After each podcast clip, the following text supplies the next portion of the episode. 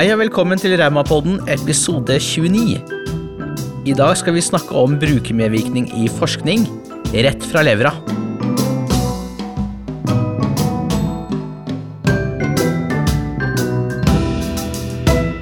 Hallo og velkommen til Raumapodden.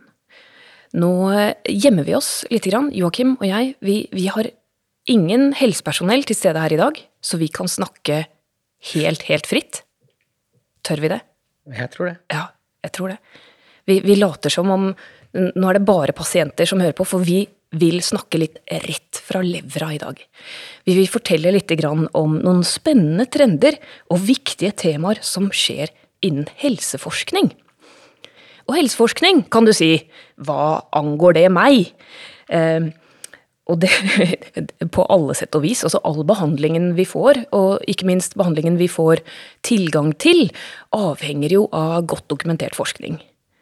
Så eh, det, det har skjedd, hva skal man si, helt sånn revolusjoner innen, eh, innen behandlingen av revmatisk sykdom bare i vår levetid, eller hva, Joakim? Jo, jo, absolutt. Blitt, jeg føler at den har blitt mer individtilpasset òg. Ja. At den tar liksom hensyn til eh, hele mennesket og livssituasjonen til hver enkelt.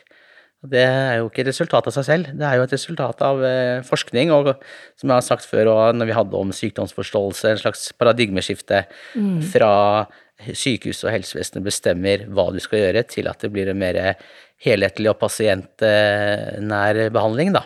Ja, og hvor det før var veldig sånn eh, ovenfra og ned eh, hierarkisk at eh, så så lille pasient, sitt der og ta pillen din, du, mm. og så gå hjem og, og, og eh, ikke gjør noen ting. ikke sant? Nå er det jo veldig mye mer aktiv behandling, og det er godt dokumentert i, i, forskning.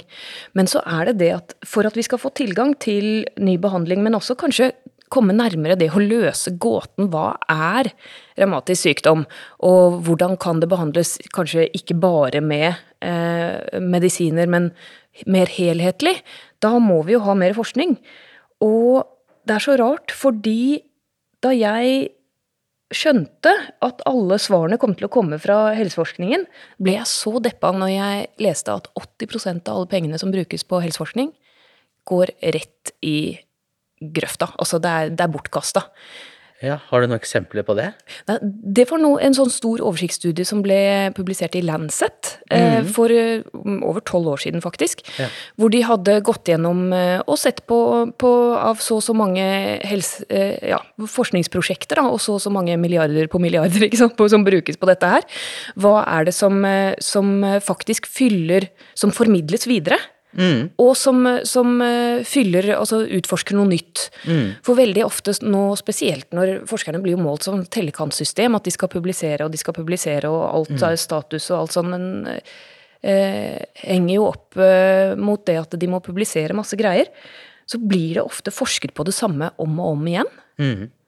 Og vi eh, som pasientorganisasjon, da, vi vil jo at det skal forskes på våre sykdommer. Og da ble jeg skikkelig deppa av å høre at det er så mye som rett og slett ikke fører til noe. Ja. Og så tar det 17 år fra et forskningsgjennombrudd eh, skjer. Hvis, si at de hadde funnet en, eh, en fantastisk ny medisin mot revmatisk sykdom i dag. Så er det 17 år før den blir tilgjengelig for vanlige pasienter. Ja. Gjennomsnittlig. Mm. Hva skal vi gjøre med det?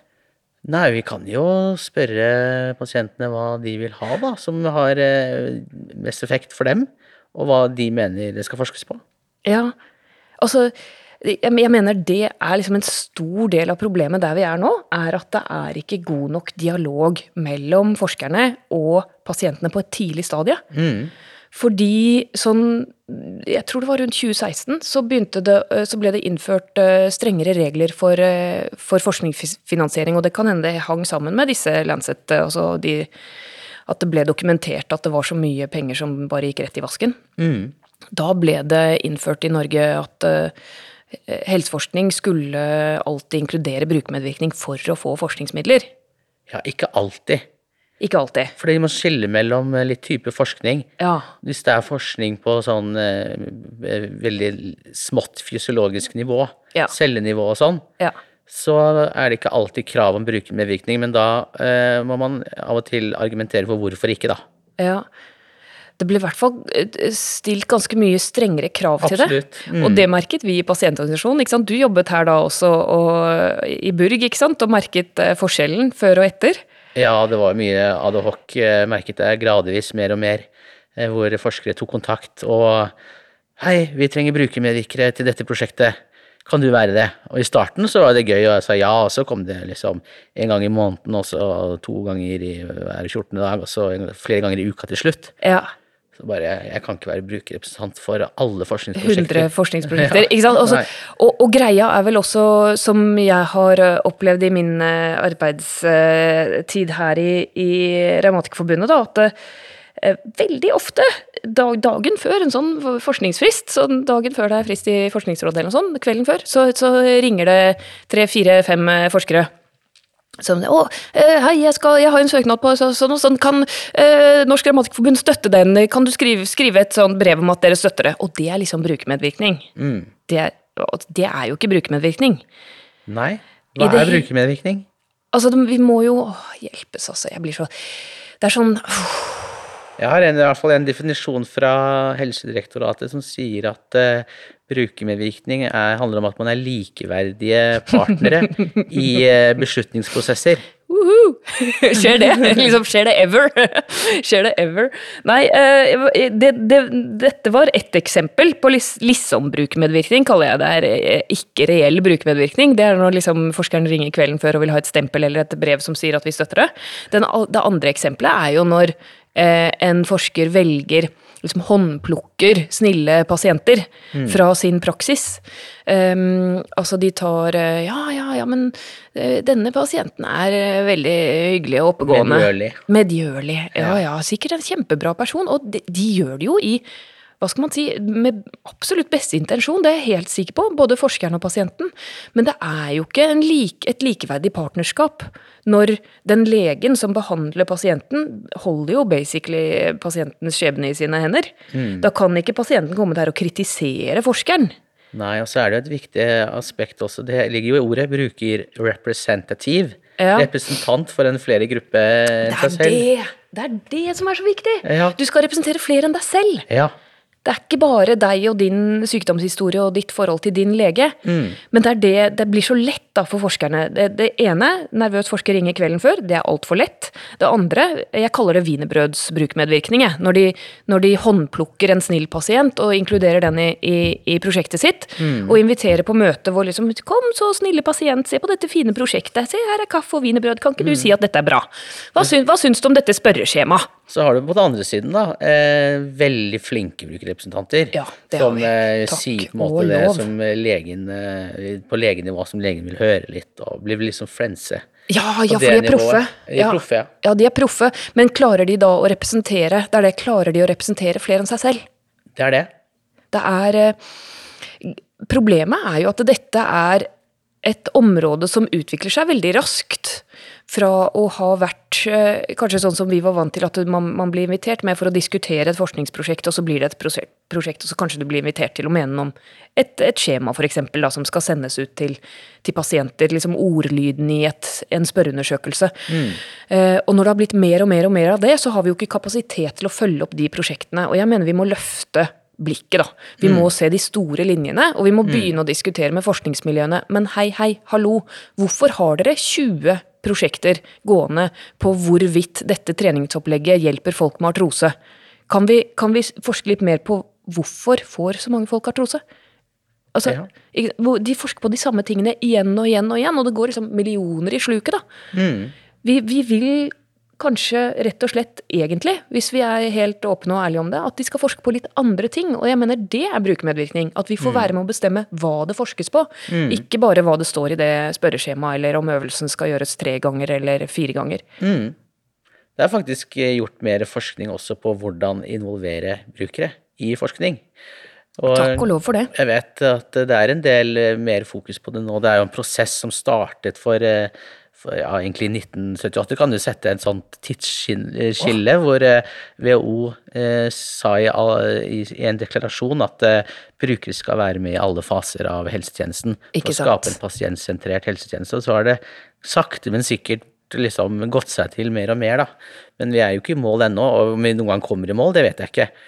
Men i hvert fall nå så er det forskningsmagasiner, da, som Eller tidsskrifter som har, eh, prioriterer de som har gode eksempler på brukermedvirkning. Mm. Det finnes egne sånne uh, utgaver med, med, gode eksempler på brukermedvirkning i forskning osv. Mm. Nå som uh, Revmatikerforbundet er jo partner i dette store Remedy-prosjektet, det nytt uh, forskningssenter for uh, revmatologi og muskel- og skjelettsykdommer som etableres på Diakonhjemmet. Og de fikk, eller vi da, de fikk 163 millioner kroner av Forskningsrådet på bakgrunn av at det var så bra plan for brukermedvirkning. Ja. Ikke sant? Og det var det som ble løftet frem. Så planen er jo veldig bra, og det er jo overordna. Da snakker man overordna brukermedvirkning. Mm. For vi må jo bli flinke til å, som pasientorganisasjon, vi må jo bli flinke til å lære opp brukermedvirkere, men også stille ganske strenge krav, egentlig, da, til hvilken forskning vi støtter. Og ikke minst eh, lære opp brukermedvirkerne våre. Og da må de få lønn. Altså det, det, går ikke an å fortsette De tror jo fortsatt at vi jobber for wienerbrød og kaffe, da. Mm. Men det er krevende arbeid som tar mye av pasientene som er med. De må sette av mye tid og krefter til det. Tid og krefter de kanskje ikke egentlig har. Mm. Det, skal, det skal, honoreres. Ja. Det må inn i søknadene. De blir jo overraska hver gang. Å, å, koster det penger? Ja, ja, det gjør det. Du får lønn. Pasienten skal få lønn. Ja, så det har jo vært eh, liksom eh, utfordring lenge at eh, det har vært krav om brukermedvirkning, og at vi innså behovet for å ha utdannede brukermedvirkere, men vi, det kom ikke noe penger med det. Mm. Og vi klarte ikke å snu oss rundt og finne penger til det heller, på en måte, så ja. Nei, For pasientorganisasjonene så har jo dette vært eh, en oppgave vi tidligere har eh, kunnet gjøre som eh, spennende oppdrag innimellom andre oppgaver, men nå har det vokst veldig, da. Mm. Jeg vil vel si det nesten hundredobla seg på det, de ti årene jeg har jobbet i NRF. Mm. Så trykket er jo enormt. Mm. Og det å kunne da da må vi bruke kreftene våre der det virkelig teller, mener jeg da. Ikke på enkelte ph.d.-prosjekter, eller vi vil selvfølgelig kunne bidra der. Men vi må løfte perspektivet til å, å finne kunnskapshullene. Ja, et eksempel. Jeg tar jo ph.d. på NKRR nå om brukermedvirkning. Og det er et stort prosjekt da, som heter mm. Rehab Nytte. Okay. Som egentlig er eh, to-tre forskjellige arbeidspakker med forskjellige doktorgrader inne. Ja. Og da var uh, unge funksjon, nei, Funksjonshemmedes Fellesorganisasjon ja. inn, som er en paraplyorganisasjon for mange medlemsorganisasjoner. Og også alle rehab, rehabiliteringssentrene med i startfasen. Mm. Og bestemte hva det skulle forskes på, ja, og føringene. Det er bra. Ja. Like. På overordnet nivå så er det jo også brukere med i hvert enkelt eh, prosjekt, da. Ikke sant. Det er jo mm. sånn det skal være. Og hvis vi nå kan klare å, å kurse, det er jo her vi må, må legge trykket nå, da. Eh, at vi pasientorganisasjoner må ta ansvar for å, å rekruttere og lære opp en pool med brukermedvirkere. Der mm. samarbeider vi nå med både Formie og Diakonhjemmet for å prøve å standardisere et godt uh, gjerne hybrid eller eh, digitalt eh, kursopplegg. Mm. Hvor vi klarer å gjøre det tilgjengelig for flere, da. Mm. Det ligger jo allerede ute digitalt kurs på NRF-skolen, så sjekk det ut allerede nå. Det er gratis, så bare kjøre på. Ikke sant. Det, ja. Sånn kan man virkelig gjøre nytte. Sånn kan man mm. gjøre, gjøre, en forskjell. For vi trenger absolutt å bygge opp den brukerpoolen vår. Vi har et ansvar i Norsk Grammatikerforbund også til å ha gode brukermedvirkere vi kan eh, anbefale, for da slipper man også at eh, legen og helsepersonell tar kontakt med de kjenner fra før av. Ikke sant? Ja. Og det at du kan representere flere enn deg selv, det er det, er det som er så viktig. Å få den innføringen som gjør at man kan, kan si noe allment om gruppen. Ja. Men eh, Alternativet til det kan jo være at man har mange brukere, da. Så man hører, sørger ja. for at alle gir sin tilbakemelding, og på den måten får et representativt tilbakemelding. Ja. Det er jo mer ressurskrevende igjen, da. Ja. Jeg tenker eh, Det er et annet eh, veldig spennende prosjekt vi holder på med, som vi jo fikk eh, støtte av Helsedirektoratet til å gjøre, som avsluttes i år. Det er Ingenting om oss uten oss-prosjektet. Hvor vi har samarbeidet med flere pasientorganisasjoner på muskel- og skjelettfeltet i å samle inn pasientenes meninger om hva de syns det bør forskes mer på. Mm. Og gått gjennom dette veldig systematisk også med litteraturstudiet. Da vi har hatt en, en forsker som har jobbet med det. Eh, og vi fikk inn var det 4600 svar fra pasientene Mm. om hva de syns det skal forskes på, og foreløpig så er det ganske sjokkerende, eller altså øyeåpne, øyeåpnende, vil jeg si, hva pasientene vil at skal forskes mer på. De fikk, jeg tror det var 50-60 forskjellige valg, altså om, om grupp, i forskjellige grupperinger. Ja. Og alt nesten peker mot eh, mestring, egenbehandling. Hva kan vi gjøre uten medisiner? Hva kan vi gjøre med kosthold? Hva kan vi gjøre med livsstil? Livskvalitet. Livskvalitet, mestring, smerter. Ja. Ja. Og så, så mens så mye av forskningsmidlene brukes på, på fortsatt eh, så klart farmasøytisk eh, behandling, eller mm. treningsbehandling er jo innenfor der, men mer årsak, livsstil, kosthold. Hva kan jeg gjøre selv? Ja. Det, det var det som kom veldig klart opp. Men det vi skal gjøre med det prosjektet Nå har jo da pasientene fått, eh, fått si sitt, så skal vi samle forskere og, og leger også til en workshop sammen med pasientene i høst. Og, og sammen eh, diskutere om det blir eh, krangling eller hva det blir, men på, på, like, på like vilkår da, diskutere oss fram til en eh, topp ti-liste. Og meningen er da når vi i NRF har ledet den prosessen og, og gjøre det Dette er en James Linde Lyons-prosess, som det heter. Som er liksom gullstandarden innen brukermedvirkning i helseforskning. For å virkelig ha den her helhetlige prosessen hvor forskere og pasienter er sidestilt. Da kommer vi fram til en topp ti-liste sammen. Etter det så skal Norsk Revmatikerforbund jobbe veldig målretta med å få midler til å dekke de kunnskapshullene. Det hadde vært litt kult å tatt samme undersøkelse til forskere, da, og så se hva, hva, hva er deres topp ti. Ja, det? Ja, det, ja, det kommer jo De skal jo være med, i, men pasientene eh, er jo overrepresentert i de som har på en måte først kommet med ønsker, da. Okay, ja. For, hvor, hvorfor skal forskerne bestemme hva Altså, hvorfor skal forskerne bestemme hva det skal forskes mer på? Ja, nei, det tror jeg er et komplisert spørsmål som eh, kan drøftes både her og der. Det handler jo om hva som på en måte har gitt status, i, og som er forskertradisjon, der, ja. og hva som er eh, Ja. eh, på en måte enklere å forske på. Altså, Ja, den pillen Eh, hvis du tar den pillen, blir du bedre, men sånn som eh, følelser, hva gjør at du føler deg bedre, livskvalitet så- så er det så Mm. Sykdomsforståelse, mange- helsepsykologi mange faktorer som spiller inn og gjør det vanskeligere å forske på. Det er ikke nødvendigvis et klart årsak-virkning-forhold. Og det har kanskje tradisjonelt hatt litt lavere status i forskermiljøene, i hvert fall noen er steder. Ja. Ja.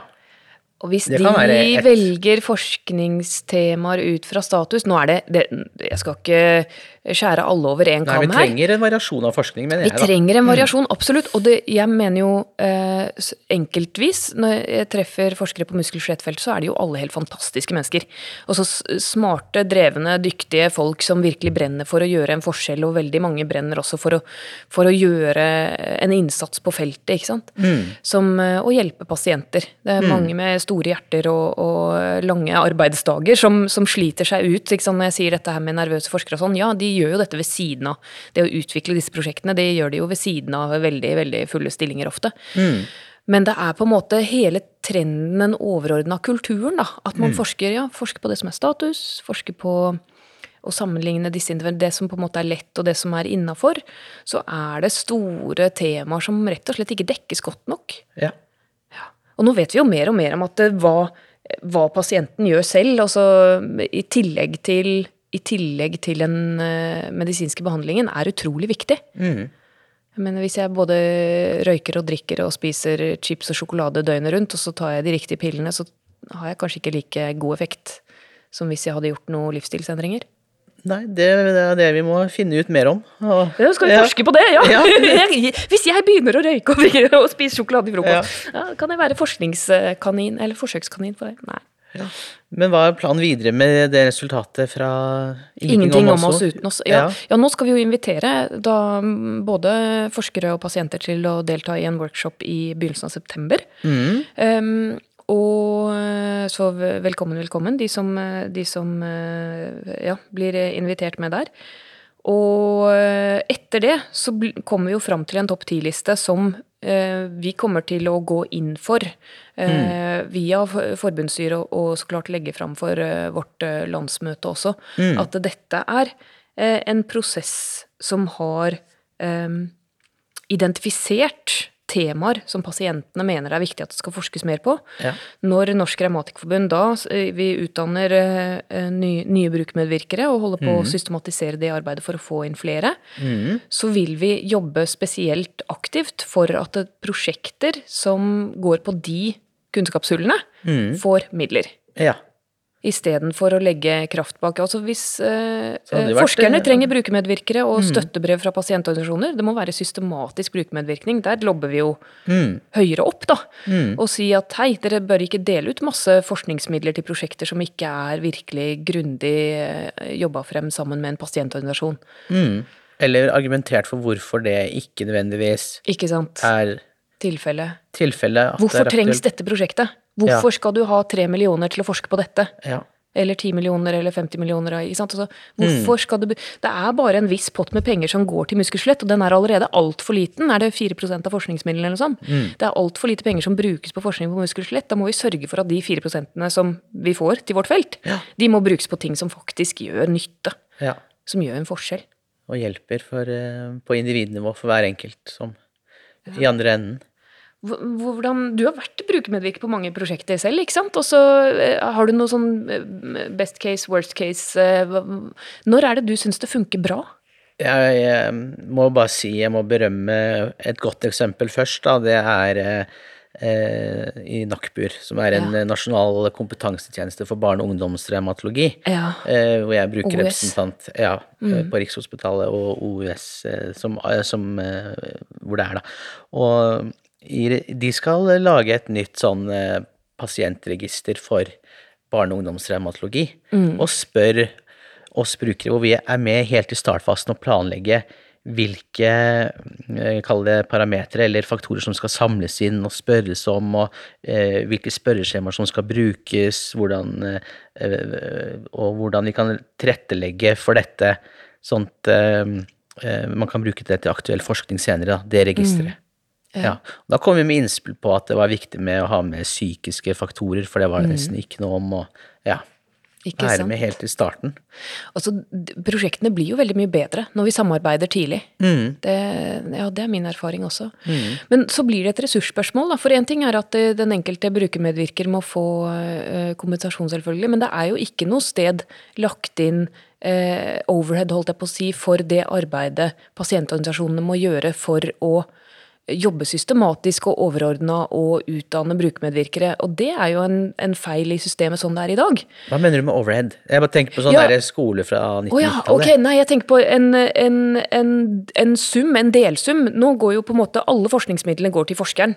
Ingenting går til brukermedvirkning. nettopp, nettopp, ja, ja. Og det blir jo også veldig urettferdig. Ja, Fordi, For det er vi har ansvaret for å utdanne og få de ja, og sant, hvis vår innsats kan være med å sikre at, at det ikke er 80% av helseforskningen som blir bort Altså, vi kan være med å eh, bidra på en måte som gjør forskningsmidlene mye mer effektive. Men det trenger vi også ressurser for å kunne klare. For det er jo ikke Det kommer jo på, i, på toppen av alle oppgavene vi har allerede. Vi er jo eid og drevet av frivillige pasienter. Ja. Eh. Hvorfor er ikke brukermedvirkning poenggivende i statsstøtte, eksempel? Nei, det gjør ikke det. Nei. Nei. Det, det er ikke verdsatt, egentlig. Nei. Det er bare pene ord. Det er Ja. bare å, Unnskyld at jeg sier det, det er bare svada. Nei, altså, det er ikke bare svada, men det er veldig mye svada. Pro, pro ja, proforma. Og det er sånn derre Vi vil ha brukermedvirkning allerede.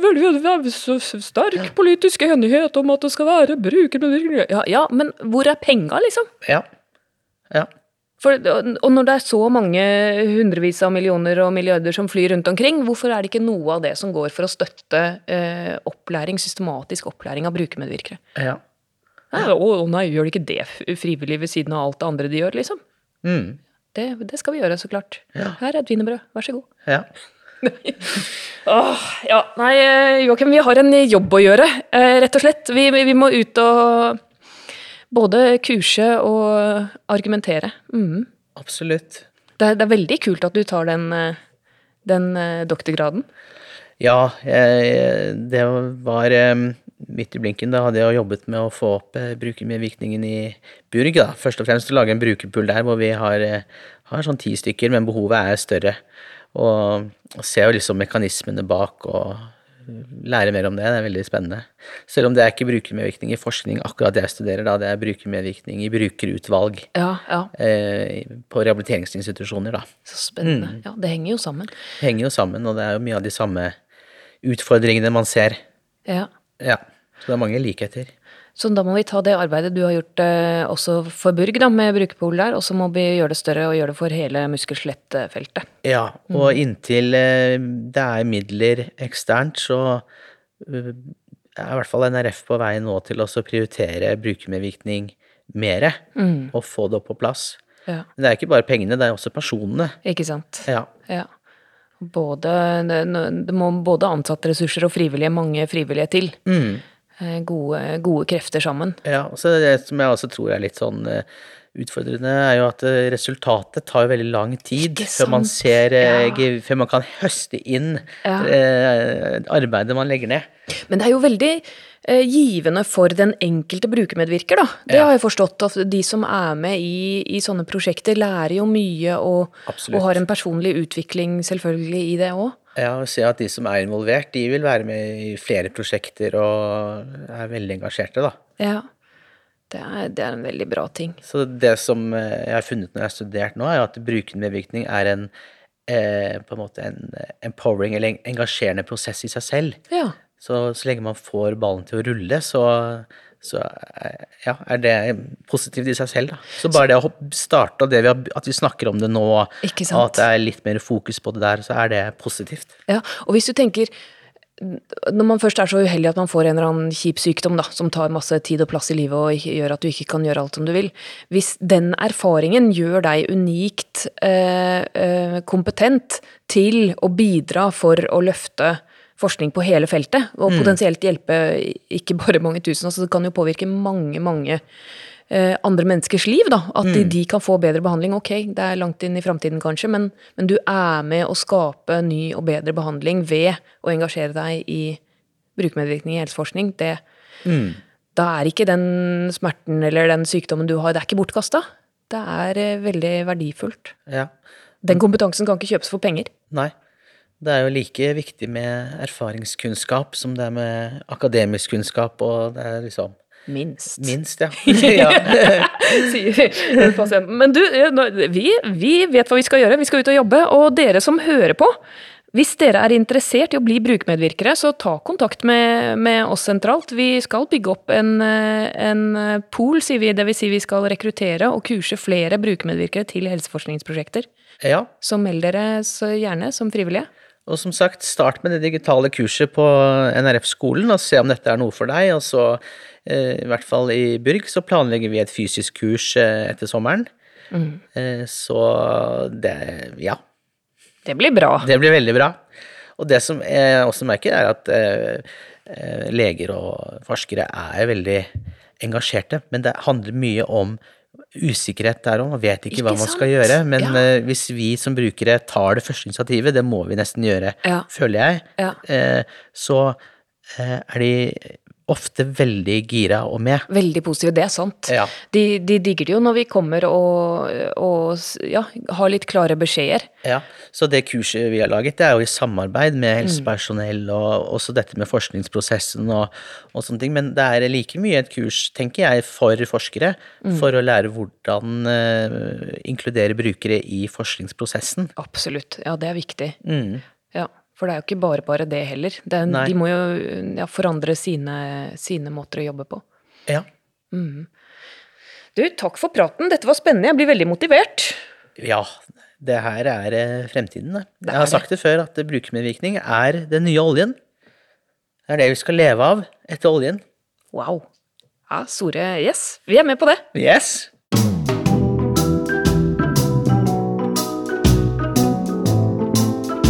Dag har Anna og jeg, Joakim, snakket om viktigheten av brukernær og brukerrelevant forskning. Lyden er som vanlig fikset av Podmaster.